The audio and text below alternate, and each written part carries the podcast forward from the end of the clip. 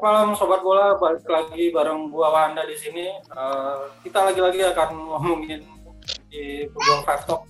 Kemarin gua udah ngomong sama uh, terakhir sama Mbak Nino ya dari Gabon Studi dan kali ini kita akan bahas soal Liga Italia soal uh, dan gua akan uh, ngobrol sama seorang uh, apa ya Juve Dona ya seorang Juve Dona yang ya mungkin untuk uh, penggemar Juventus dan saya pada umumnya udah kenal lah sama beliau ini karena memang uh, aktif banget di Twitter gak cuma ngebahas Juventus doang tapi uh, ngebahas soal syariat secara umum juga gitu. di sini ada Mbak uh, Mbak Ria Wede selamat malam Mbak ya. Malam.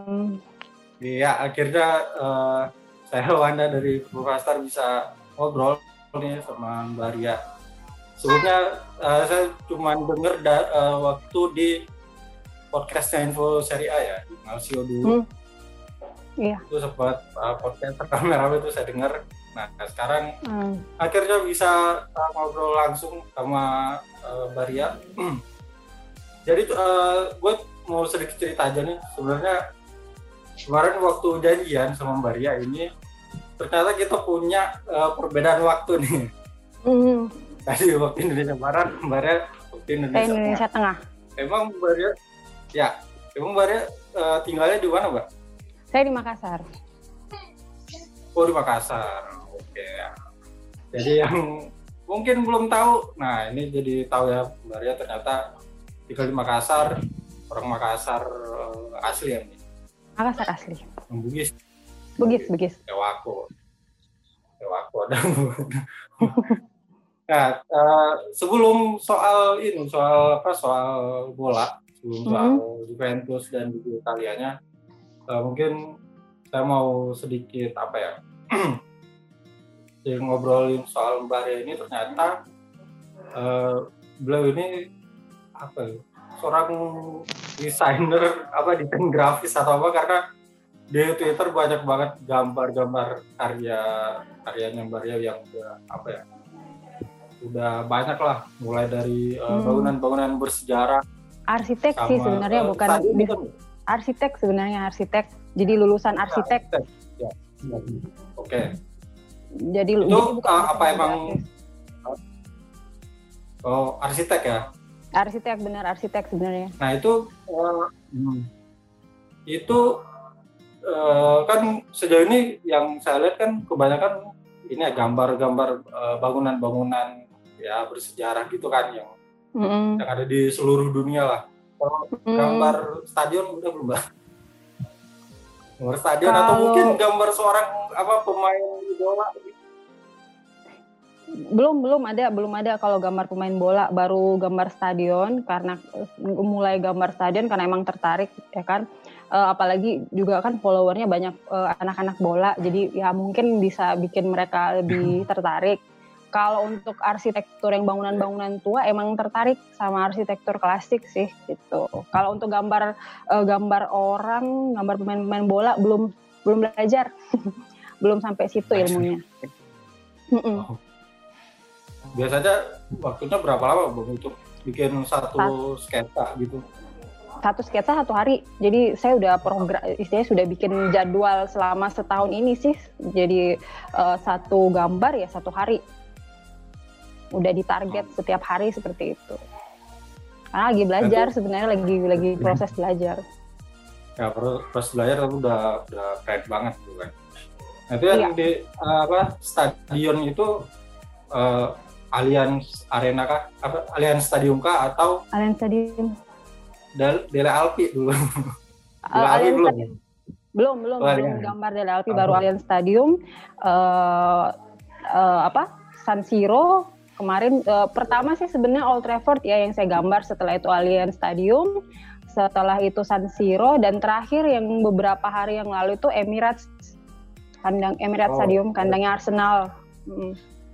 Udah... Sekarang lagi hmm. lagi bikin ini sih MU eh, Old Trafford lagi. Kenapa bikin dua? Ada yang uh, yang kemarin kurang memuaskan. Oh, oh. yang kemarin kurang memuaskan gitu. Jadi bikin lagi. nah itu tadi kan uh, sedikit soal uh, Baria yang backgroundnya seorang arsitek. Sekarang kita langsung aja ke ngomongin soal bola nih. Hmm. Mungkin pertanyaan pertama yang apa ya? Pertanyaan yang udah udah bosen banget Mbak Ria denger lah dari ya mungkin dari beberapa kawan dan beberapa followers. Ya saya mungkin udah, udah bisa nebak ya Mbak ya pertanyaannya kenapa hmm. uh, suka Juventus itu dari kapan sebenarnya? Oh, pertama suka sepak bola karena kalau, uh, pertama kalau untuk sepak bola memang dari keluarga se semuanya ya secara keseluruhan memang uh, senang sepak bola. Saya dulu waktu kecil kan uh, tinggal sama kakek. Kakek saya dulu memang udah sering uh, nonton bola gitu. Dia penggemarnya Milan dan uh, timnas Belanda gitu kan. Nah, ketika saya sekolah saya banyak berteman sama teman-teman cowok gitu. Uh, kebetulan teman-teman cowok yang di kelas 1 dan kelas 2 SMP itu mereka rata-rata membahas tentang Del Piero gitu. Jadi mulailah saya juga tertarik tertarik memba uh, untuk cari tahu tentang duetnya si Del Piero dengan Inzaghi ini. Uh, pas kelas 3 hmm. ya udah mulai tahun 98 itu udah mulai jadi penggemarnya Juventus. Eh kelas 3 iya kelas 3 udah mulai jadi penggemarnya Juventus gitu. Karena emang tahun 98 produknya itu kan yang uh, yang lagi ya, terkenal terkenalnya selain di Inter ada Ronaldo juga gitu gitu sih Tapi memang kalau dibilang ya ya kalau kalau dibilang memang dulu Juventus sama Del Piero nya memang megang banget ya apalagi kan ada iya. duet timnas nih di depan ah, iya apalagi uh, apalagi dulu ber, bertepatan dengan tahun Piala Dunia gitu kan jadi dan waktu yeah. itu juga Del Piero sangat booming di Indonesia jadi ya saya produk dari situ sih sebenarnya gitu.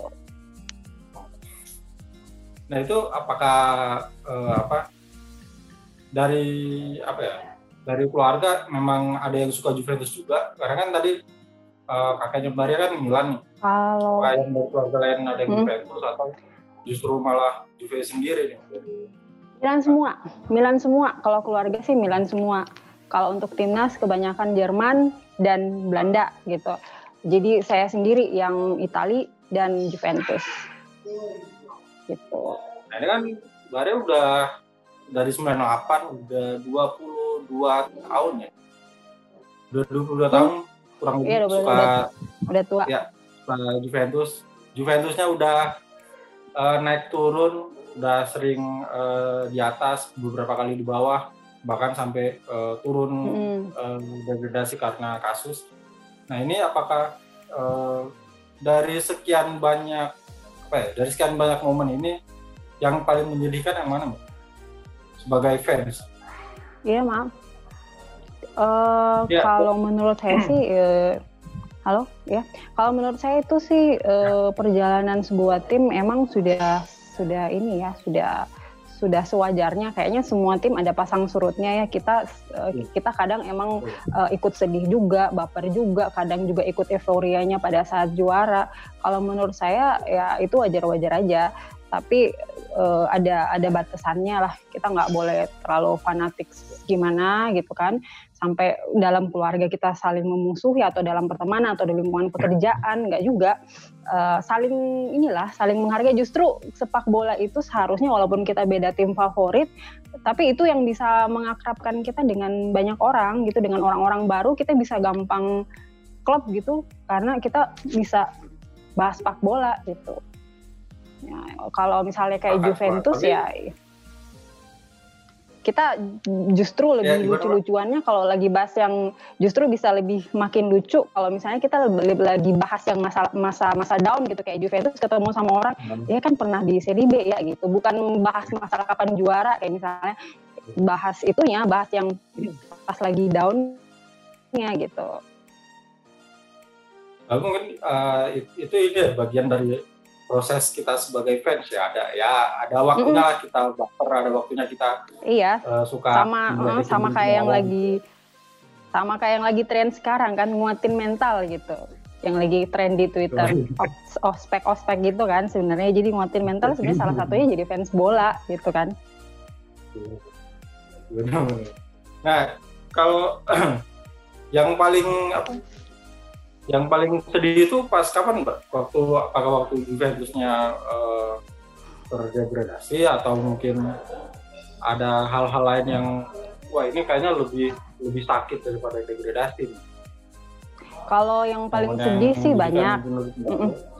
Momen sedih itu banyak, tapi yang paling sedih adalah pada saat uh, Del Piero ya, momen perpisahan dengan Del Piero itu. Betul saya udah lupa tanggal berapa itu yang jelas itu yang ya. paling sedih sih Del Piero karena uh, banyak dari kita berharap dia pensiun kan di Juventus tapi uh, sampai waktu itu kita ada sempat ikut-ikut kayak petisi-petisi gitu tapi emang udah keputusan manajemen seperti itu uh, Del Piero harus uh, out dari Juve dan uh, ke Sydney kalau nggak salah waktu itu itu itu momen yang sedih ya. sih lebih sedih daripada kita uh, kalah di UCL.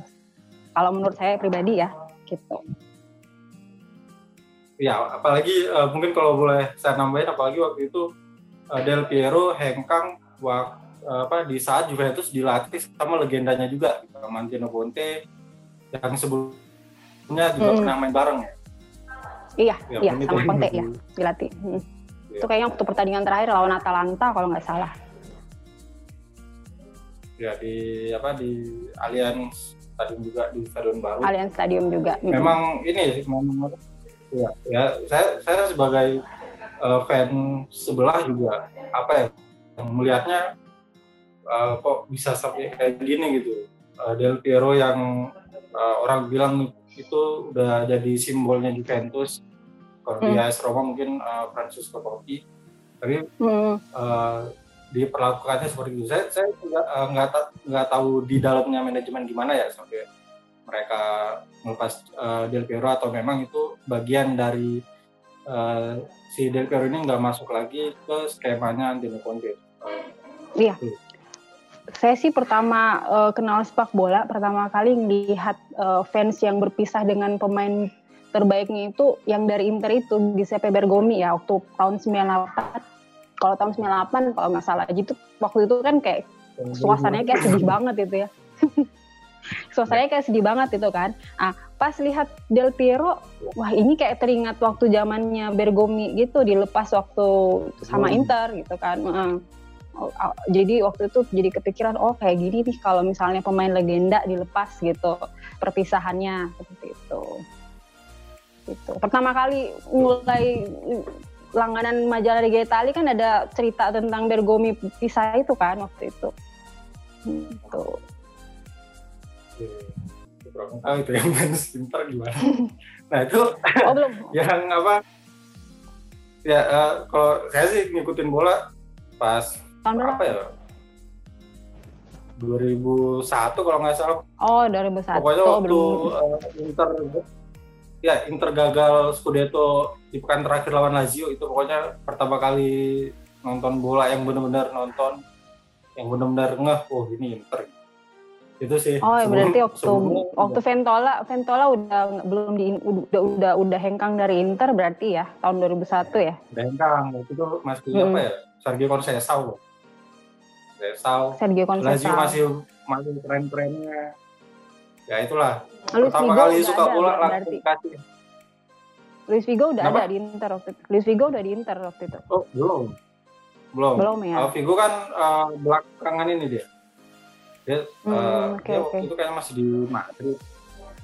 Masih di Madrid Jadi, berarti ya? uh, tadi kan soal ya, tadi soal uh, momen menyedihkan. Sekarang yang menyenangkannya hmm. nih apa nih mbak? Yang menyenangkannya sebagai fan uh, fan ya Momen menyenangkan ya setiap tahun ya. Udah sembilan ya. kali ini juara terus ya kan. jadi setiap mm -mm, ya jadi alhamdulillah ada momen menyenangkan setiap tahun gitu. Eh, nggak uh, bosan-bosannya tetap tetap disyukuri jadi juara liga udah sembilan kali berturut hampir sembilan kali berturut-turut termasuk musim lalu menyenangkan kalau musim lalu nggak menyenangkan kalau musim oh, lalu nggak menyenangkan. Pertama eh, seharusnya seharusnya kita bisa mengamankan uh, Scudetto itu dari beberapa minggu sebelumnya ya. gitu kan. Cuman karena cuman ada beberapa uh, kekacauan di minggu-minggu uh, di pekan-pekan terakhir itu uh, jadi agak-agak bisa uh, agak hampir ngasih kesempatan buat uh, tim lain lah ya untuk uh, ini untuk uh, untuk juara yang seharusnya ya jadi gemes aja gitu. Yang seharusnya kita udah bisa mengamankan malah kita kayak terlena gitu. Sedangkan ada tim lain yang uh, konsisten hampir bisa dibilang konsisten lah untuk ngejar gitu. Seperti itu. Kalau kalau uh, ya kita berkaca dari musim lalu sebenarnya di masalah di Juventus ini apa sih? Apakah ini memang uh, murni gara-garanya gara-gara Maurizio Sarri yang nggak bisa tampil uh, skema yang sesuai dengan gaya para pemain Juventus atau ini ada apa ya unsur non teknis dari manajemen misalkan atau dari fans yang bikin uh, permainannya Juventus apalagi apa uh, mungkin mempengaruhi psikisnya Maurizio Sarri kalau menurut saya, kalau dari segi fans sih saya kurang tahu ya. Kalau dari hmm. segi kepelatihan, kayaknya emang bisa dibilang Mario Maurizio Sarri uh, tidak berhasil gitu, karena uh, uh, beli gini gini. Jadi ceritanya Juve itu sebenarnya kalau menurut saya dia butuh pelatih yang yang masih muda, yang yang gapnya antara pelatih dan pemain itu tidak terlalu lebar gitu. Jadi karena di dalam Juventus itu banyak pemain-pemain bintangnya gitu. Jadi kalau misalnya dia jadi harus kayak uh, apa nggak terlalu kaku gitu pelatihnya gitu. Jadi uh, kedatangan Sari ini kan dia agak-agak agak-agak berumur tuh ya. Jadi uh, kadang belum bisa dapet uh, feel pemain-pemainnya gitu para pemainnya. Dan pemain juga dari, segi kita lihat dari segi satu pemain kayak Cristiano Ronaldo gitu kan yang seharusnya mungkin ya pemain harus me, me, apa menganggap dia harus sepakat kalau Cristiano Ronaldo itu adalah seorang finisher utama gitu kan itu di Juventus. Tapi uh, pemain malah pemain lain malah jadi kayak mereka juga pengen jadi uh, istilahnya kalau kita bisa bilang pengen nyetak gol juga gitu. Jadi akhirnya kalau di lapangan ya agak-agak kurang akurat gitu seperti itu kalau saya lihat. Jadi belum lagi kalau dari formasi dan uh, dalam yang atau strategi yang diterapkan ya agak-agak pemain kayak ini mau mau apa sih? Mau nyerang ke mana sih? Mau nyerang ke mana sih? Agak agak bingung gitu seperti ya, itu. Ya apalagi sampai Kalo, sampai Juan Cuadrado dijadiin back kanan itu kan. Nah itu. Itu. Iya jadi kan kayak pemain jadi kayak ya kita kita coba jadi posisinya mereka lah pasti uh, mana bingung. Terus pokoknya nggak ngerti lah pokoknya jadi kacau. Jadi satu orang aja yang mengalami seperti itu ya bisa bisa korban ke tim secara keseluruhan ya karena permainan di lapangan gitu seperti itu Nah, tadi kan Mbak Rio udah uh, nyinggung soal pelatih tua sama pelatih muda. Musim depan Juventus dilatih sama uh, Andrea Pirlo, mantan hmm. pemain uh, Juve yang udah sukses bawa Juve hmm. Scudetto berapa ya tiga apa empat kali, sama hmm. um, final Liga Champions. Pokoknya sebagai pemain Andrea Pirlo udah nggak diragukan lagi dia uh, salah satu terbaik sepanjang masa sebagai uh, gelandang hmm. ekonom di lini tengah lah kalau orang-orang bilang. Nah, apakah hmm, jenius lah kalau orang bilang. Ya, apakah dengan penunjukan Pirlo ini udah tepat? Karena kan kalau kalau kita lihat sebagai pemain oke okay lah dia dia nggak punya celah sebagai pemain, tapi sebagai pelatih kan dia belum teruji nih. Hmm. Dia kemarin ditunjuk sebagai pelatih U23 tapi cuma beberapa minggu langsung ditunjuk ke tim senior sudah tepat atau ini justru terburu-buru mbak?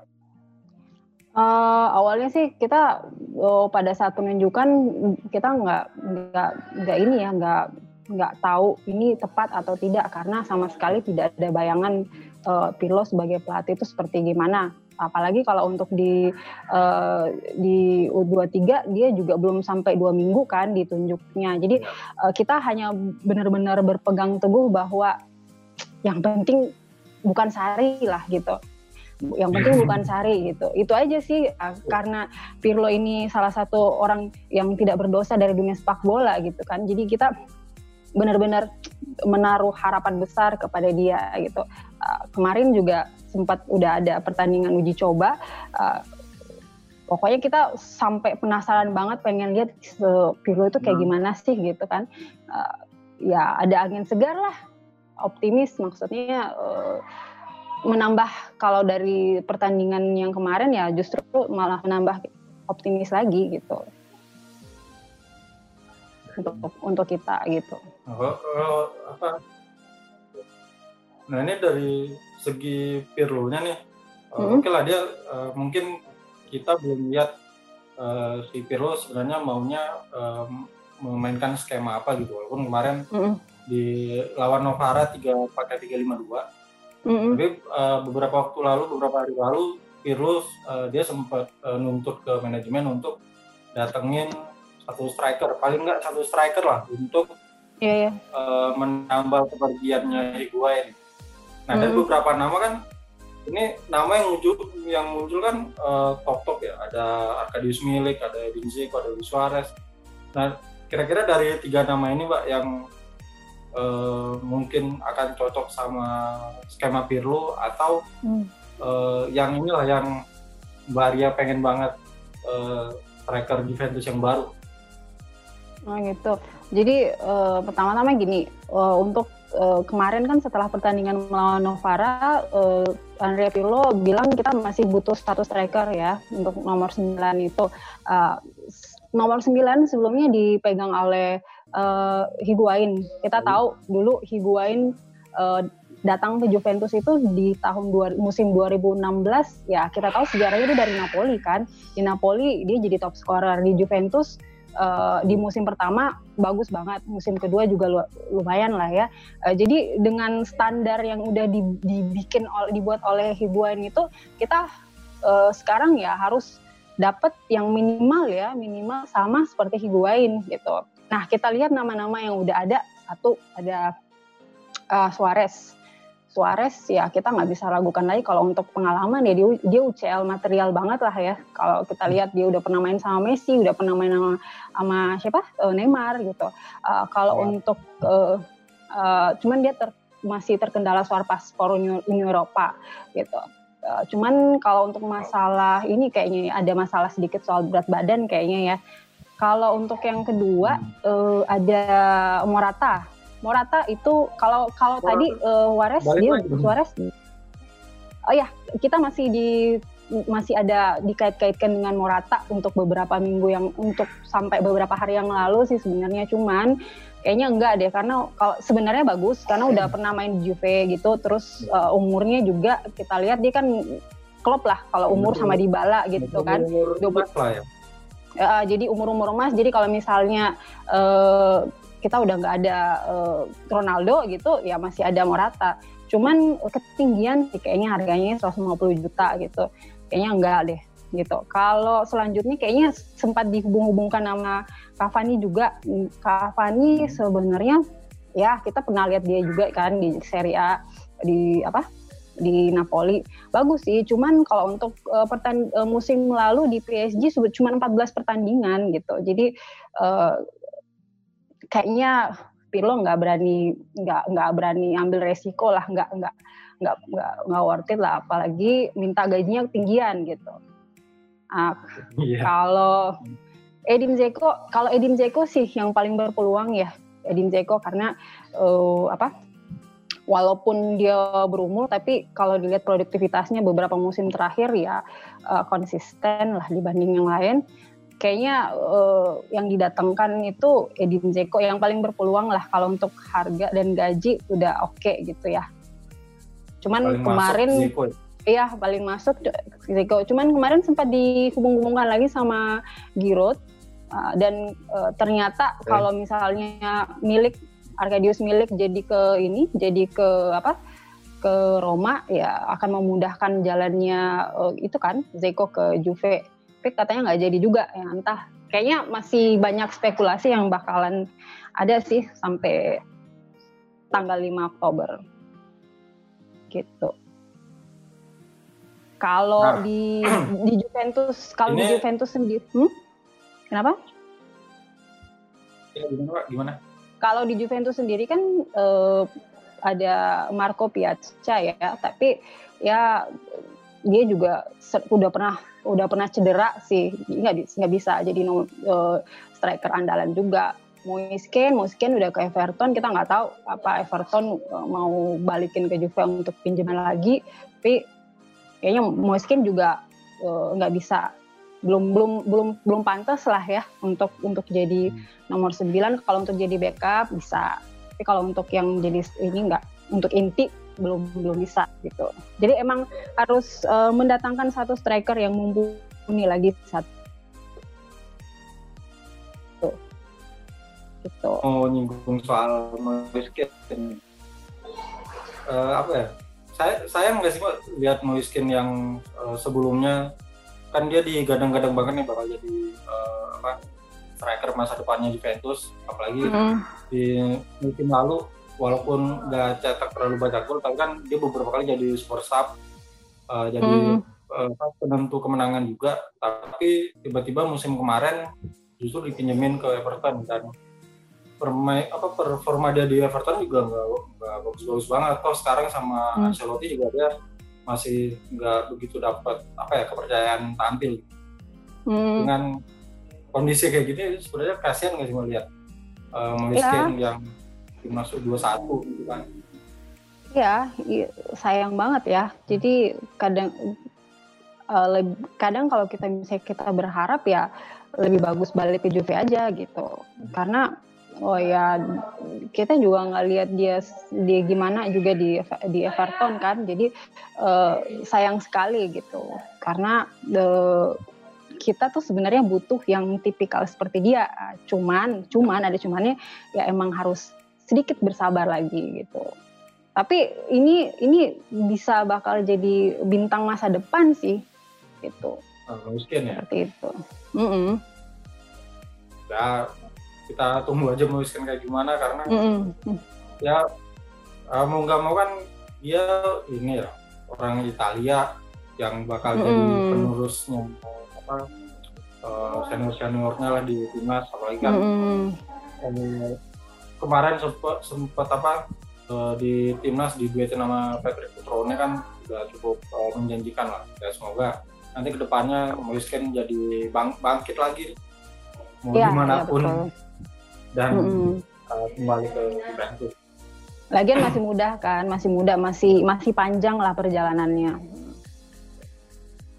Nah kalau kalau, kalau kita lihat uh, aktivitas transfer Juventus musim ini, mm -hmm. uh, saya bisa bilang uh, ini menurut saya pribadi ya, saya bisa bilang mm kalau Juventus kayak keluar dari pakem kebiasaannya nih.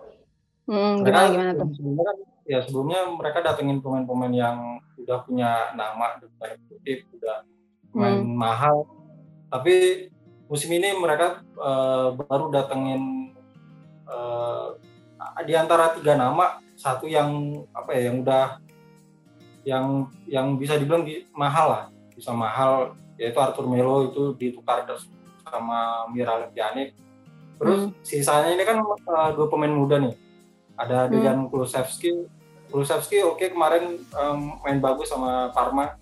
Terus satu hmm. lagi yang jadi pertanyaan ini kan uh, Weston McKennie. Dia dari Schalke masih hmm. 20 tahun, pemain Amerika Serikat pertama di Juventus. Nah ini hmm. kalau dilihat dari apa ya dari dari fenomena kayak gini, apakah Mbak Ria ngelihatnya ini sebagai apa ya Juventus mau berubah berubah mungkin untuk uh, jangka panjang kah atau memang sejauh ini yang ya mungkin karena pandemi ya jadi mereka lihat pemain-pemain yang memungkinkan untuk didatangkan jadi nggak nggak begitu ambisius lah kayak dalam hal mendatangkan pemain ya hmm. kalau kalau saya melihat sih itu uh, karena melihat situasi aja sih ya kebetulan hmm. juga uh, sebenarnya sebenarnya Weston McKennie ini juga bukan pemain biasa ya. Cuman kita aja yang yang nggak nggak ada iya. eh, nggak yeah. uh, ada info tentang dia sebelum-sebelumnya justru bahkan baru mencari tahu setelah kita nggak iya. tahu Juve membidiknya sejak kapan udah mulai di, dibidik ya sejak kapan tapi tiba-tiba langsung ada kabar seperti itu kalau menurut saya manajemen Juve cukup cukup uh, pintar lah ya uh, dan ini bukan soal uh, karena emang nggak mau datengin pemain besar atau apa tapi emang uh, ini peluang juga sih sebenarnya karena kalau dilihat-lihat dari uh, pertandingan dari musim lalu dia di FC Schalke emang orang ini juga uh, luar biasa sih sebenarnya. Jadi di situ Juventus melihat ini bakal jadi uh, apa? Uh, bakal jadi modal untuk musim-musim selanjutnya gitu. Kita lihat uh, dia punya insting yang luar biasa ya kalau menurut saya dari gol-gol yang tercipta satu gol yang pada hmm. saat dia cipta di Lokomotif Moskow di UCL itu itu golnya bagus gitu. Selain itu di di apa di Bundesliga juga waktu melawan uh, Bayer Leverkusen ada dia sundulannya juga bagus uh, dan ada satu gol dia yang musim lalu paling bagus kalau menurut saya dia waktu melawan Bilkel itu luar biasa lah. Jadi dia bisa menempatkan diri pada situasi yang bagus. Di situ saya lihat Juve mungkin membidik dari situ ya. Karena emang kalau mau nyari pemain-pemain muda dari Bundesliga sih sebenarnya. Cuman ya. kalau untuk yang udah punya nama gitu kan. Cuman yang kalau dia udah punya nama ya harganya pasti tinggi. Misalnya kayak uh, Erlin Haaland atau siapa sih uh, Jadon Sancho itu ya udah udah udah udah tinggi. Nah, Juventus berarti pintar gitu di situ ngambil uh, malah mendatangkannya Western McKinney. Menurut saya itu hmm. itu strategi yang bagus. Strategi yang bagus ya. Berarti mm -mm. Uh, yakin nggak nih si Western McKinney bisa uh, langsung jadi pilihan utama atau seenggaknya jadi inilah apa uh, ya beberapa kali dirotasi tapi tetap uh, mendapat kepercayaan dari Andrea Pirlo atau ah. justru dia malah jadi uh, ya jadi pengalaman baru cadangan Enggak, kalau menurut saya dia langsung dapat kepercayaan sih gitu. Tapi akan mengalami beberapa rotasi juga gitu. Namanya Juventus eh, ya pasti ada rotasinya. Tapi kalau untuk kepercayaan, kalau menurut saya langsung dapat kepercayaan dari Pirlo sih. Kalau menurut saya. apalagi kemarin lawan Novara mainnya cukup oke. Okay. Bagus banget uh, kan? Iya oke okay banget. Ya. Hmm, bagus banget pada banget. saat melawan Novara. Hmm. Kulusevski juga sebenarnya bagus ya waktu melawan Novara. Jadi ya uh, mereka kalau menurut saya bakal dapat tempat yang yang ini udah udah udah bag, udah dipercayain lah sama Pirlo gitu. Nah kalau uh, dua pemain ini uh, udah dapat tempat nih, kira-kira yang hmm? layak tersingkir dari tempat utamanya siapa nih? Yang layak tersingkir ya kemarin udah udah udah ini sih, udah udah tersingkir ya Higuain ya, udah udah udah mundur. Udah uh, setelah itu saya nggak tahu kabarnya Kedira kayak gimana. Uh, apa kenapa? Douglas Costa gimana Dog ah Douglas Costa kayaknya uh, kayaknya udah ya harus siap-siap lah ya nggak nggak ini nggak nggak nggak dapat uh, uh, apa uh, pertan uh, bermain lama bermain mungkin akan berkurang ya waktu bermainnya karena dia juga kurang begitu bagus dari musim yang lalu gitu. Kalau Alexandro sih masih bagus ya kalau menurut saya. Gitu. Betul. Ya Alexandro kemarin ini aja kali ya karena apa cedera ya. Iya benar. Ya sedikit terganggu lah. Apalagi kalau sekarang kan Alexandro eh, sekarang udah di, di apa kayak kemarin yang lawan Novara kan dia ditarik kalau untuk jadi pertahanan dari e, tiga lima tiga lima dua dia kalau untuk bertahan Juve kayak cenderung jadi empat empat dua kan Alessandro jadi ke uh, back hmm. jadi back kiri gitu dan ya agak lumayan lumayan bagus lah kalau Alessandro jangan dilepas lah lebih ya. Bagus lah bagus masih bagus masih bagus Douglas Costa aja sih ini nyusul Matuidi ke Amerika mungkin. Oh ya bisa jadi bisa jadi. nah eh, tadi kita udah ngomong soal uh, Juventus soal Pirlo soal uh, squad uh, Juventus musim depan dengan hmm. squad yang yang sejauh ini ya yang sejauh ini ada kan hmm. kita nggak lihat terlalu banyak perubahan cuma ada uh, tiga pemain baru hmm. tapi masalahnya kan di pelatih pelatihnya masih ya bisa bilang masih uh, apa nggak berpengalaman di dunia pelatihan hmm. nah, hmm. Uh, faktor ini di sedangkan di sisi seberang kita lihat uh, kayak Inter, Milan sama uh, ya mungkin Napoli lah yang transfernya cukup bagus gitu. Hmm. Ini apakah persaingan uh, di Serie A musim depan akan jadi lebih menarik atau ya sama aja kayak musim-musim lalu juga itu juara sebelum pekan ke 38 Oke, okay, kalau menurut saya uh, uh, sangat sangat kompetitif. Jadi ada ada Inter Milan, kita tahu lah Inter Milan uh, udah ada Hakimi kemarin juga ada er, udah ada Erikson kan. Uh, saya dengar gimana? Kalau Vidal Vidal jadi ya? Kalau Vidal, Vidal jadi, jadi ya. Ah, jadi ya itu gitu. Jadi ya Conte kan gitu. Jadi kalau misalnya udah seneng sama satu pemain ya, ya kebetulan iya. ya manajemennya Inter, manajemennya Inter juga nurut nurut sama Conte dan dikasih ya maunya apa dia mau ini dapat. Jadi uh, Conte juga jadi bisa leluasa untuk membangun timnya. Itu itu nanti jadi jadi saingan terbesarnya Juventus sih kalau menurut saya. Satu lagi kalau Atalanta, Atalanta termasuk beruntung karena nggak terlalu ada perubahan squad gitu. Jadi kalau dari segi spirit dan dan nggak ada perubahan sama sekali. Jadi uh, apalagi kemarin apa li, uh, ses, apa uh, jarak antar musim kemarin dan musim ini kan nggak terlalu jauh gitu. Jadi mereka pasti masih punya spiritnya gitu. Itu uh, keuntungan dari Atalanta nggak ada sama sekali perubahan sedikit banget perubahannya gitu. Kalau untuk uh, Lazio, Lazio tadi udah aku baca ada datang pemain yang dari mana sih tuh? Dari Turki, ya, ah, ah gitu. Uh, Napoli juga, Napoli juga. Jadi uh, kalau untuk Inter Milan, nah Inter Milan ini menarik bikin pena eh, AC Milan maksud saya. Kalau AC Milan ini menarik ya kalau menurut saya bikin penasaran ya karena kalau udah udah udah ada siapa Ibrahimovic, ada Tonali juga. Yeah. Ya, seharusnya seharusnya kalau menurut saya dia musim depan udah harus ada di beredar di uh, klasemen 4, 4 4 atas ya seharusnya gitu. Jadi kalau menurut saya secara keseluruhan sangat-sangat kompetitif ketat uh, Juventus nggak terlalu mendominasi uh, Kapolista sih kayaknya. Jadi akan ada kayak tuker-tukeran tapi nanti terakhirnya ya ada dua nama yang oh, benar-benar bersaing gitu Juventus dan Inter Milan gitu. Itu aja sih. Oh Juventus Inter Milan lagi berarti ya? Iya.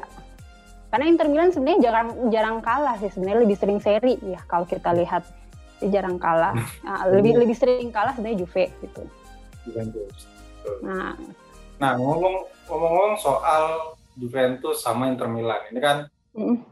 pasti lagi-lagi kita balik ke Antonio Conte Andrea Perlu.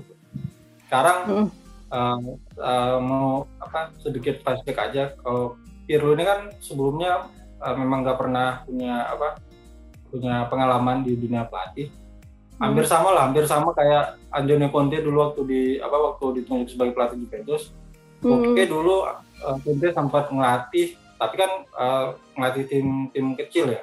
Jadi nggak uh, terlalu menonjol, ya nggak terlalu menonjol. Hmm. Lalu dia ditunjuk uh, Juventus langsung Scudetto. Apakah ini akan ceritanya akan terulang lagi sama Pirlo? Iya, Karena kalau, kalau kita lihat dari latar belakang itu agak agak sama ya. Iya, akan terulang lagi sih. Uh, ya. Ya akan terulang lagi sih. Uh, tahu musim depan ya bakalan Scudetto lagi di bawah tangan Pirlo gitu. Kalau saya sih optimis ya. Gitu. Hmm. Scudetto lagi. Nah tadi uh, apa sudah sempat nanya soal Pirlo, soal formasi ini gimana Bapak? Si Pirlo ini memang udah pakemnya 352 atau dia bakal ada beberapa apa ya beberapa skema yang udah dia siapkan untuk uh, ya sebagai opsi aja lah nanti lawan tim ini kayak gimana lawan tim ini kayak gimana apalagi kan ap apalagi nanti kalau ketemu Inter sama-sama 352 nih di Conte hmm. sama Pirlo apakah nanti dari skema apa dari segi skema permainan apakah Pirlo akan benar-benar tetap pakai 352 atau mungkin ya ada ininya lah ada opsi beberapa hmm. formasi. Uh, kalau menurut saya ada opsi beberapa formasi ya karena uh, tim-tim yang dilawan kan juga agak berbeda ya. Jadi pasti ada hmm. beberapa opsi untuk beber, uh, untuk formasinya. Kemarin kan kalau untuk Novara ya 352 kalau uh, itu nggak nggak bisa untuk uh, paten kita mau pakai untuk ke semua tim gitu. Jadi kayak kayak bisa bisa jadi 442 misalnya karena Alessandro balik uh, lebih uh, ke ke sayap kiri apa ke back kiri gitu bisa jadi juga seperti itu karena hmm, ya sama seperti yang Mas bilang ketemu Inter sama-sama 352 juga gitu. Kalau menurut saya nggak nggak paten itu 352 gitu. Tapi kita lihat aja sih, kita lihat aja. Saya punya uh, kepercayaan dan optimis yang besar sih buat Pirlo. Gitu. Nah, uh, ini soal bursa transfer kan uh, tadi Mbak Ri bilang sampai tanggal 5 Oktober ya. Hmm. Sampai tanggal 5 Oktober berarti ya masih waktu masih cukup panjang lah untuk masih masih uh, Juventus mendatangkan uh, beberapa pemain incaran. Ini kira-kira hmm. Uh, ada nggak pemain yang sebenarnya Baria pengen banget didatengin Juventus uh, musim ini? Mario Mandzukic. Siapa ini? Mario Mandzukic. Iya, saya pengen banget dia ya. balik. Tetap saya pengen balik, tetap uh. dia balik. Jadi kalau dibandingkan dengan nama-nama yang saya sebutkan tadi yang mau di di apa didatangkan Juventus termasuk Suarez uh, ataukah Edin Zeko, saya lebih pilih Mario Mandzukic ya. Kalau yang lain mungkin punya banyak kelebihan bla bla bla apa usia material dan sebagainya, tapi Mario Mandzukic itu punya grinta gitu. Jadi dia kalau istilahnya kita belah dadahnya, kita buka hatinya itu isinya Juventus itu aja sih. Jadi uh, jadi Mario Mandzukic lah kalau menurut saya ya. Cuman mungkin agak-agak subjektif. Tapi Juventus itu butuh pemain yang punya semangat seperti itu. Kalau soal pengalaman ya ya pengalaman sih.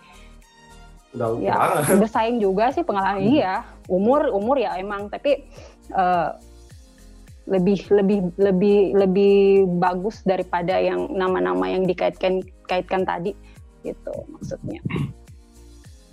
Tapi memang, memang kalau uh, yang saya lihat ya uh, Mandzukic memang dia walaupun di apa sebelum di Juventus kayak di Munchen atau di Atletico dia memang nggak begitu menonjol. Tapi sekalinya main udah dia memang hmm. all out gitu. Memang total ya, all dia total. Jadi, daya jelajahnya ya, juga tinggi. jadi, pembeda.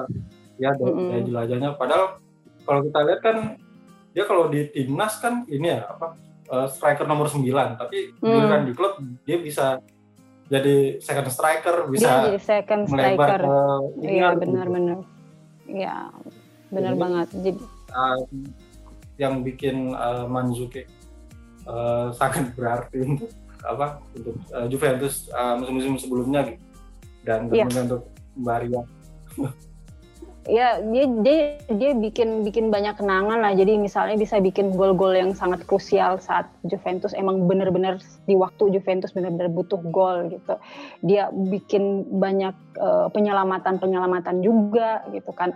Dia membantu di segala lini. Kita kita susah loh bisa dapat pemain seperti itu gitu tapi itu menurut saya gitu. Nggak tahu kalau untuk uh, ya ada, ada ada jadi pertimbangan buat uh, manajemen atau Pirlo gitu. Yang jelas mungkin kalau bagi Mauricio Sari waktu itu kan emang dia nggak memang nggak mau nggak mau pakai Mandzukic ya gitu. Seperti itu sih. Tapi uh, sekarang Mandzukic uh, masih di Qatar apa udah pindah ya? Udah udah udah ini udah dia udah udah nggak di Qatar lagi. Jadi kemarin kayak pemut pemutusan kontrak gitu dia dia ini dia mengajukan pemutusan kontrak kalau nggak istilahnya saya lupa istilahnya kayak gimana jadi dia kayak hmm. ini kayak misalnya kan kontraknya masih ada setahun tapi dia ini pemutusan kontrak atas permintaannya dia sendiri gitu. Nah, pernah dikait pernah dikait-kaitkan juga untuk ke Inter kan untuk jadi backupnya Lukaku, hmm. uh, tapi nggak tahu kabar selanjutnya seperti apa. Pernah juga dikaitkan untuk uh, ke Fiorentina, tapi nggak ada nggak ada kelanjutan. Iya, nggak ada kelanjutannya juga. Gitu. Nggak tahu, mungkin ya mudah-mudahan lah kalau ya. kalau misalnya belum bisa nggak nggak ke Juve, mudah-mudahan bisa bernasib baik lah, bisa dapet tim yang bagus, bisa tetap berkiprah gitu. Atau atau mungkin jadi asistennya Pirlo kali Pak ya? Oh, jangan dulu sih, jangan biar jadi pemain dulu. Biar jadi pemain masih dulu. layak main ya. Masih layak main. Masih layak main. Orang Kroasia, semua warga Kroasia masih masih punya harapan besar ke dia sih. Oke. Nah ini uh, mungkin uh, saya mau sedikit bergeser dari lapangan kita uh, ke pinggir lapangan dulu. Kemarin beberapa waktu lalu itu uh, pihak Juventus kan udah uh, apa ya uh, melakukan permohonan kepada FIGC untuk uh, men, apa, memperbolehkan penonton datang ke stadion. Bahkan hmm. uh, Juventus uh, apa wali kota Turin udah udah kasih ya istilahnya kasih lampu hijau lah untuk uh, pihak Juventus untuk menjualkan tiket uh, tiket hmm. di stadion ya mungkin masih di Allianz doang ya kalau tandang saya kurang tahu nah itu hmm. apakah udah keputusan kebijakan itu udah tepat di saat ya di Italia sekarang udah udah berkurang banget ya hmm. tapi kan masih ada satu dua yang kena uh, COVID gitu nah dengan hmm. keadaan yang udah sudah berkurang banget kayak gini, apakah keputusan Juventus untuk membuka stadion sudah tepat atau mungkin harus tunggu beberapa bulan lagi lah Kalau menurut saya sih kan kalau dari pihak Juve-nya juga mungkin punya pertimbangan gitu kan. Uh, terus pertimbangan yang berikut berikutnya mungkin dari segi uh, apa? Dari segi untuk uh, uh, penjualan juga. Jadi walaupun Juve sebenarnya udah bersiap untuk membuka, tapi tergantung yang memberikan izin sih dari pihak pemerintahnya. Kalau misalnya pemerintahnya udah memberikan izin, berarti udah ngasih lampu hijau, berarti emang udah cukup aman berarti Italia gitu, ter, apa oh, khususnya Turin ya. Gitu. Tapi kalau misalnya dari pihak pemerintah juga belum ngasih lampu hijau, berarti emang belum aman gitu uh, menurut saya pemerintah jauh lebih tahu lah kondisinya gitu bahwa ini udah memungkinkan atau ini emang belum gitu. Gitu. Tapi kalau misalnya belum memungkinkan ya ya mau nggak mau harus kita nurut ya karena ini lebih ke masalah kesehatan publik, kesehatan uh, manusia orang banyak gitu menurut saya. Gitu sih. Dan memang uh, ya masih dilema juga sih walaupun mm -hmm. di beberapa negara kayak di Prancis sama di Jerman kan udah mulai nih udah mulai apa kapasitas 20% udah bisa keisi gitu tapi kan mm -hmm. balik lagi kondisi di setiap wilayah setiap negara kan beda-beda ya, apalagi kondisinya sudah beda ya apalagi kalau kita lihat Italia kemarin benar-benar terpukul banget sama hmm. pandemi sampai lockdown iya, betul. total gitu kan Iya betul. Nah, uh, balik lagi ke lapangan. Soal ini, saya mau nanya, ya ini sih apa ya? Pertanyaan asik-asik aja sih. Di Juventus kan ada tiga apa ya? Ya tiga serangkai lah, tiga tridente hmm. nih di belakang. Hmm. Hmm. Ada Buffon, Bellini, sama Bonucci. Kalau disuruh hmm. milih antara tiga itu Mbak pengen yang hengkang siapa gitu, yang udah terus sebenarnya waktunya udah cabut, udah waktunya untuk cabut gitu. Siapa mbak kira-kira mbak? Dari Bonucci, Buffon, Bonucci, ini. Bukan kalau menurut saya bukan waktunya untuk cabut karena dari segi umur atau dari segi karir ya emang udah ya. nggak nggak nggak butuh-butuh amat lagi dengan dia ya. gitu. Kalau menurut saya uh, Bonucci gitu. Bonucci, Bonucci iya mungkin mungkin bisa eh, berkarir di tempat lain gitu karena ya apa ya lucu juga sih kalau mau cerita tentang Bonucci dia banyak banyak bikin kesalahan gitu maksudnya. Jadi, kesalahan di lapangan jadi, atau kesalahan di kesalahan, lapangan kesalahan di lapangan. Dia banyak blundernya di lapangan. Jadi kalau ada uh, jadi jadi gemesin gitu. Jadi kalau hmm. untuk Celini ya kita masih perlu perlu Celini lah ya. Nggak bisa kita bandingin Celini dengan seorang Celini dengan Bonucci ya kalau disuruh pilih ketiganya dengan Buffon ya saya pilih mending Bonucci aja yang yang hengkang gitu dari segi umur dia masih ya. bisa loh berkarir di tempat lain ya kan hmm. ya balik lagi ke Milan juga bisa kayaknya hmm. nah uh, ini dari apa lini belakang Juventus karena uh, Juventus musim kemarin kan uh, bagus banget nih di belakangnya ada hmm. Bonucci, Celini, uh, Meri Demiral sama Mat hmm. uh, Matis Delek gitu.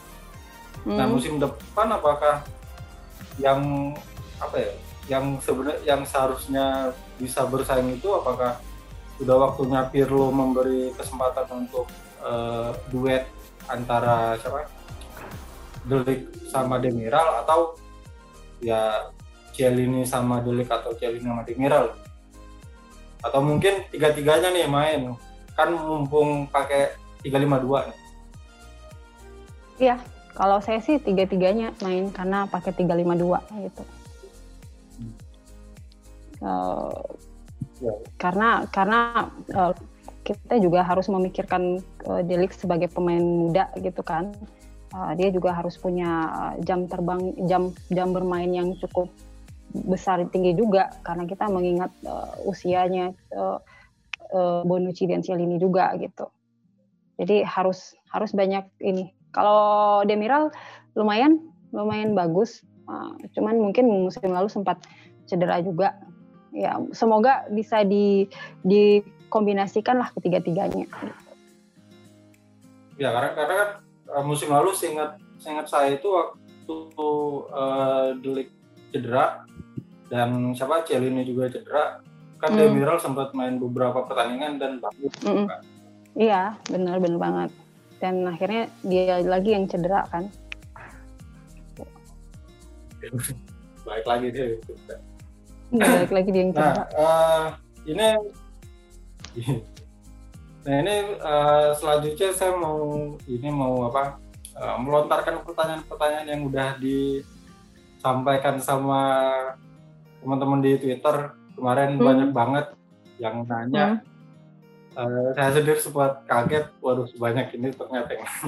Karena sebelum uh, sebelumnya bikin kayak gitu juga nggak nggak banyak kayak gitu mbak. Hmm. Jadi uh, luar biasa memang Baria fansnya banyak banget harus diakui. Bukan fans Nah, bukan cuma sekedar fans itu itu kadang ada hatersnya juga ada haters juga iya uh, kelihatan sih ada beberapa pertanyaan yang apa yang uh, agak-agak nyeleneh juga hmm. nggak jelas oh itu teman nah, saya itu oh iya ya saya balas di Marzio ya kalau nggak salah hmm, iya iya benar benar benar Nah, uh, dari beberapa pertanyaan yang ada, saya uh, cuma milih lima doang nih. Hmm. Memilih lima pertanyaan yang yang menurut saya uh, layak ditanyain lah. Yang apa? Selain itu sebenarnya juga layak, cuman uh, beberapa di antaranya udah ada yang udah ada yang saya siapkan gitu sebenarnya. Hmm. Jadi bukan karena layak nggak layak ya. Jadi karena hmm. ada juga yang udah saya siapkan.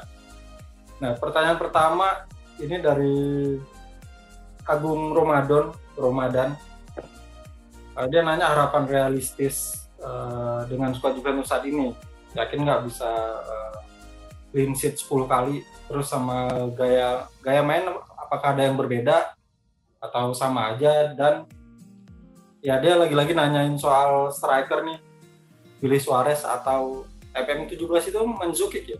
Manzukic, Manzukic. Nah, mungkin Baremo menjawab itu ada tiga, tiga pertanyaan sebenarnya. Jadi Satu jadi pertanyaan pertama, ya pertanyaan Baru. pertama uh, yakin bisa clean sheet gitu ya? Maksudnya clean sheet 10 pertandingan di 10 pertandingan gitu ya? Benar. Nah, dia di sini ya 10 Kalau clean sheet di 10 pertandingan saya nggak yakin nggak bakalan clean sheet ya. Karena kita lihat uh, pekan pertama ketemu Sampdoria, setelah itu ketemu Roma, habis ketemu Roma Napoli, setelah Napoli mungkin ada uh, apa ya?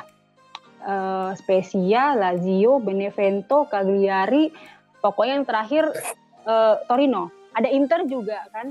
Jadi uh, kalau menurut Napoli, kalau menurut saya nggak clean sheet. Karena ada Verona juga. Jadi dalam 10 itu nggak akan nggak akan clean sheet.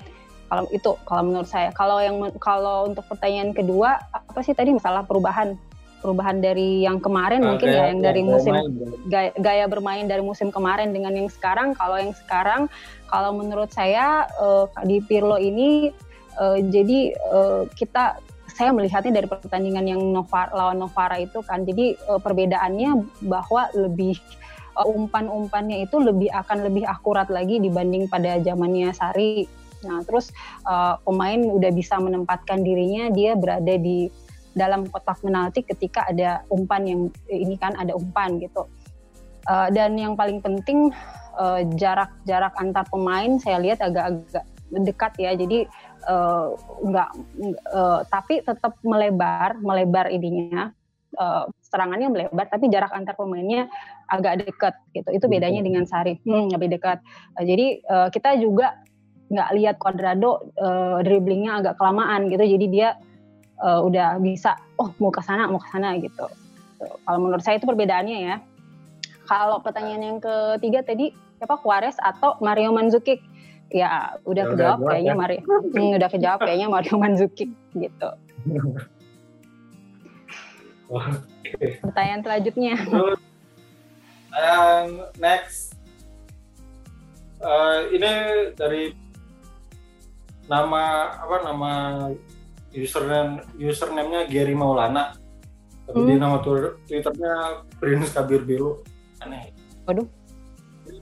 Nanya soal uh, Paratici nih. Puas nggak dengan hmm. performa Paratici sejauh ini? Dan uh, bagaimana perasaan Juventus uh, melepas Matuidi? Lagi-lagi Matuidi jadi topik hangat hari ini Pertanyaan pertamanya puas dengan kinerja Paratisi puas banget puas. Jadi uh, lumayan lah. Kalau yang kedua soal Matuidi apa sedih nggak? Apa sih tadi kalau kalau soal Mat yeah. Matuidi Matuidi gitu. Matuidi itu di perasaannya ditinggal Matuidi yeah ada sedih-sedihnya juga gitu sedihnya mungkin sehari bahagianya sepanjang sepanjang beberapa gitu. selamanya gitu tapi kita tetap iya. harus kasih ucapan terima kasih walau gimana pun dia juga udah punya sumbangsi ke Juventus ya. Uh, tapi uh, dalam dunia sepak bola ya sudah seperti itu.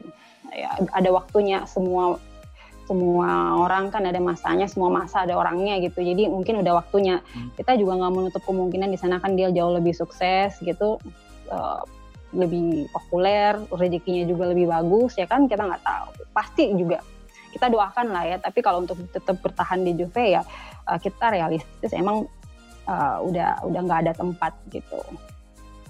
Itu sih. Di cadangan juga udah nggak bisa kayaknya. Iya nggak bisa. Di bangku cadangan udah nggak diterima kayaknya. Nggak jadi emang harus.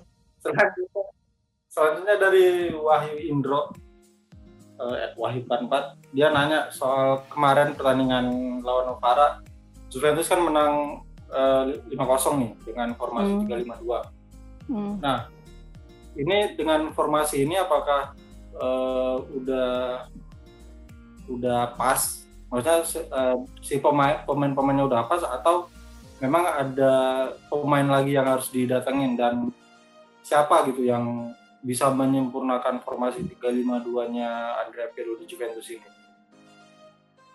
Kalau untuk uh, formasi 352 ya udah ya udah udah udah udah bagus itu udah cocok kalau menurut saya sejauh ini uh, tapi se, kalau menurutnya Pirlo kan dia bilang ini butuh masih butuh satu striker lagi. Uh, kita lihat aja sih nanti yang datang siapa. Karena mas dalam dua minggu masih ada waktu sekitar dua minggu lebih ini uh, kita belum tahu masih banyak spekulasi tapi kita belum tahu yang datang siapa ya pasti akan mendatangkan striker pasti iya kalau kalau nggak ada pilihan lain mungkin ya nanti ya Edin Zeko siap-siap aja gitu. Oke. Uh, selanjutnya dari Mas Andar Sofian. Hmm. Ini juga sering nongol di timeline saya Mas Andar Sofian. Hmm. Dia ya Mbak Arya tau lah pertanyaannya apa. Hmm, siapa tahu pertanyaannya. pemain pemain apa mantan pemain muda Juventus yang apa hmm. yang nggak berkembang terus yang bikin uh, Mbak Arya nyesel gitu. Ini pemain sebenarnya bisa berkembang tapi malah gagal sama Juventus. Siapa nih hmm. yang bikin nyesel. Kalau man kalau mantan mantan pemain mantan pemain muda berarti sekarang udah nggak muda lagi ya. Kalau dulu tuh ada uh, Sebastian Giovinco entah entah dia tuh uh, kenapa gitu jadi nggak bisa berhasil di Juventus yang sampai waktunya dia dipinjemin ke mana ya waktu itu ke Empoli, ke Parma dan kemudian Parma. ke Toronto gitu. Empoli ke Par Empoli, Parma dan Toronto. Itu aja sih sebenarnya kalau seharusnya sih uh, karena dia orang Itali, dia orang asli Turin, lahirnya juga di Turin, ya dari Primavera juga dan prestasinya juga di sebelum di senior juga seperti apa gitu. Jadi seharusnya dia punya karir bagus di Juventus, tapi nggak ketemu waktu itu. Gimana? Itu sih yang disesalkan kalau. Padahal, padahal sebenarnya seharusnya bisa jauh lebih bagus. Kalau, Lalu waktu dipinjemin ke Empoli sama ke Parma, dia juga sempat balik lagi ke Juventus dan sempat main berapa musim ya? Semusim atau dua musim gitu. Cuman ya memang nggak nggak nggak nggak terlalu menonjol ya. Iya, nggak menonjol gitu. Hmm. Nah, ini ada yang ketinggalan nih dari Mas Andar Sofian hmm. yang bakal jadi rising star next the next rising star di Juventus siapa kira-kira mbak? The next the next res, rising star ya mungkin uh, uh, Moisken ya gitu. Kalau saya nggak ngerti pertanyaannya Mas Andar, maksudnya orang-orang yang uh, pemain-pemain yang dari Primavera Juventus kah atau gimana? Tapi kalau menurut saya Moisken yang yang akan Main jadi sekarang ya Mois Moiskin. Ya, pemain muda sekarang yang bakal jadi rising star. Uh, Moiskin, bisa, mau Moiskin, uh, McKenny juga, McKenny juga kita kalau dari dari usianya juga bakal bakal jadi bintang besar itu kalau menurut saya gitu. Ada nama banyak sih kalau misalnya kalau kita mau melihat ya, cuman ya kita nggak tahu uh, udah nggak udah nggak di Juventus lagi sebenarnya. Kayak nama-nama siapa sih itu? Luka Clemenza, uh, Orsolini, Menagora itu kan sebenarnya eh, kita lihat nama-nama pemain-pemain eh, kalau saya melihat ya, kalau saya juga penggemar timnas Italia, saya punya harapan besar sih untuk mereka-mereka ini. Tapi entahlah, uh, kita nggak tahu uh, kenapa bisa sampai kurang apakah kurang mendapatkan uh, jam bermain atau apa gitu. Seperti itu uh, kalau Orsolini dia bukannya punya klausul pembelian kembali ya ke iya. di Juventus atau iya, emang nggak ada? Ada, ada. Kalau Orsolini ya? sekarang ada, ada kayaknya. Kalau Orsolini kan sekarang di mana ya? Di, di Bolonya kalau nggak salah ya. Di, di Bolonya kayaknya. Ya. Iya, di Bolonya. Iya. Hmm. Kalau saya Orsolini itu kan bagus. Dia dia kayak ada ada model-model kayak Arjen Robbennya gitu kan. Hmm jadi mudah-mudahan lah kalaupun juga bukan di Juventus ya dia bisa jadi bintang-bintang buat bisa ngasih sumbangsi besar buat Italia gitu. Betul, apalagi sekarang uh, Italia bisa dibilang ini ya uh, udah mulai lahirnya generasi emas hmm. baru. Karena kalau kalau ya, benar, timnasnya kan hampir rata-rata pemainnya di bawah 25 tahun. Nah, Cuma satu dua tiga doang yang Ya, cuman Bonucci aja, Bonucci, Celini, ya. yang sisanya masih muda-muda semua kan ya. Gitu. Nah, uh, selanjutnya pertanyaan dari Adevira Priba Putra. Dia nanya soal prospeknya Weston McKennie, apakah hmm. akan jadi uh, the next Pogba atau malah kayak Elgerio Elia? Ya the next Pogba. Pogba. Kalau menurut saya bahkan ya. dia dia akan jauh lebih bagus dari Pogba. Oh, gitu mbak? Uh, iya. yakin, uh, yakin, yakin. Berarti, uh, ya berarti nanti uh, McKennie bakal ditebus dong, kan ini dia statusnya masih pinjaman ya? Iya, iya. Iya, kayaknya sih kalau kalau kalau Iya, nggak tahu sih kalau bakalin. Tapi kalau untuk dari segi dianya pribadi, saya bil, pikirnya dia bakal bilangnya jadi dia jadi akan jadi uh, bintang besar sih. Saya udah udah coba lihat cara bermainnya dia, udah udah lihat beberapa pertandingan di FC Schalke. Orang ini bagus banget kalau menurut saya. Gitu. Jadi saya nggak tahu ini yang hire dia siapa dari Juve. Mereka pintar banget bisa dapat dapat uh, celah untuk bisa ini mendatangkan siapa McKennie ini. Dan satu lagi McKennie ini kayaknya dia gampang nyetel sama tim gitu. Beda kayak Delik ya waktu kita datangin Delik musim lalu agak-agak susah untuk langsung nyetel kan. Kalau McKennie ini bagusnya dia kayaknya dia langsung bisa nyetel sama tim gitu. Gitu. Um, ya mungkin juga uh, McKennie uh, dia nggak terbebani apa biaya transfer yang gede kayak Matuidi kemarin ya bisa aja benar benar kan itu uh, ya sedikit banyaknya jadi salah satu faktor penting lah hmm. di apa di dalam uh, kompetisi gitu kan. iya karena Delik kayaknya dia agak, agak ada beban-beban gitu ya jadi mainnya juga nggak sebagus waktu di Ajax gitu tapi kalau McKennie kayaknya dia mainnya nggak ada beban sama sekali gitu langsung nyetel aja sama tim. Mudah-mudahan lah kita. Uh, Mbak ini uh, apa ya mungkin pertanyaan terakhir. Hmm? Saya uh, saya tertarik dengan kayak apa ya strategi transfer Juventus selama Paratisi ya. Selama hmm. apa uh, direktur dipegang Paratisi kan sebelumnya kalau kita lihat sama Murata Juventus benar-benar datangin pemain yang yang udah jadi gitu kan hmm. yang udah yang udah punya nama terus hmm. dan datang ke Juventus juga um, mereka si pemain ini beneran jadi seseorang gitu mungkin hmm. ya Marco Jaka yang masih jadi uh, apa pinjaman-pinjaman ke mana-mana gitu. nah hmm. sekarang kan kalau sama para TV ini agak berbeda kalau musim lalu musim lalu uh, saya nggak ngerti kenapa Juventus datengin Aaron Ramsey, datengin Adrian Rabiot. Itu benar-benar uh, mungkin di luar kebiasaan Juventus ya. Hmm. ya. Nah, ya musim ini uh, itu kelihatan apa gaya transfer kayak gitu kan kelihatan di uh, McKennie walaupun hmm. uh, sejauh ini kayaknya McKennie uh, bakal sukses kalau kita lihat dari pertandingan kemarin uh, lawan Novara. Nah ini apakah memang dari partisinya memang pertanyaan yang awal-awal tadi apakah ini ada perubahan atau ya dia cuma mengikuti kebutuhan si pelatih doang? Uh, kayaknya kedua-duanya lah. Dia melihat kebutuhan pelatih dan juga melihat situasi gitu. Kayaknya kayaknya dua-dua kedua-duanya kalau menurut saya.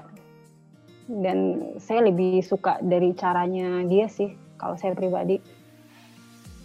Ya, jadi jawaban saya maksudnya dia melihat kedua-duanya dari segi uh, kebutuhan si pelatihnya dan dari situasi yang ada gitu. Itu sih kalau menurut saya berarti uh, ya kehilangan Marota nggak nggak terlalu berpengaruh ya sama sama Juventus dari segi ada. kebijakan transfer ya? Nggak ada, nggak ada. Nggak ada, nggak ada uh, pemain yang lebih besar daripada tim itu sendiri, apalagi kalau cuma CEO gitu. Betul. Hmm.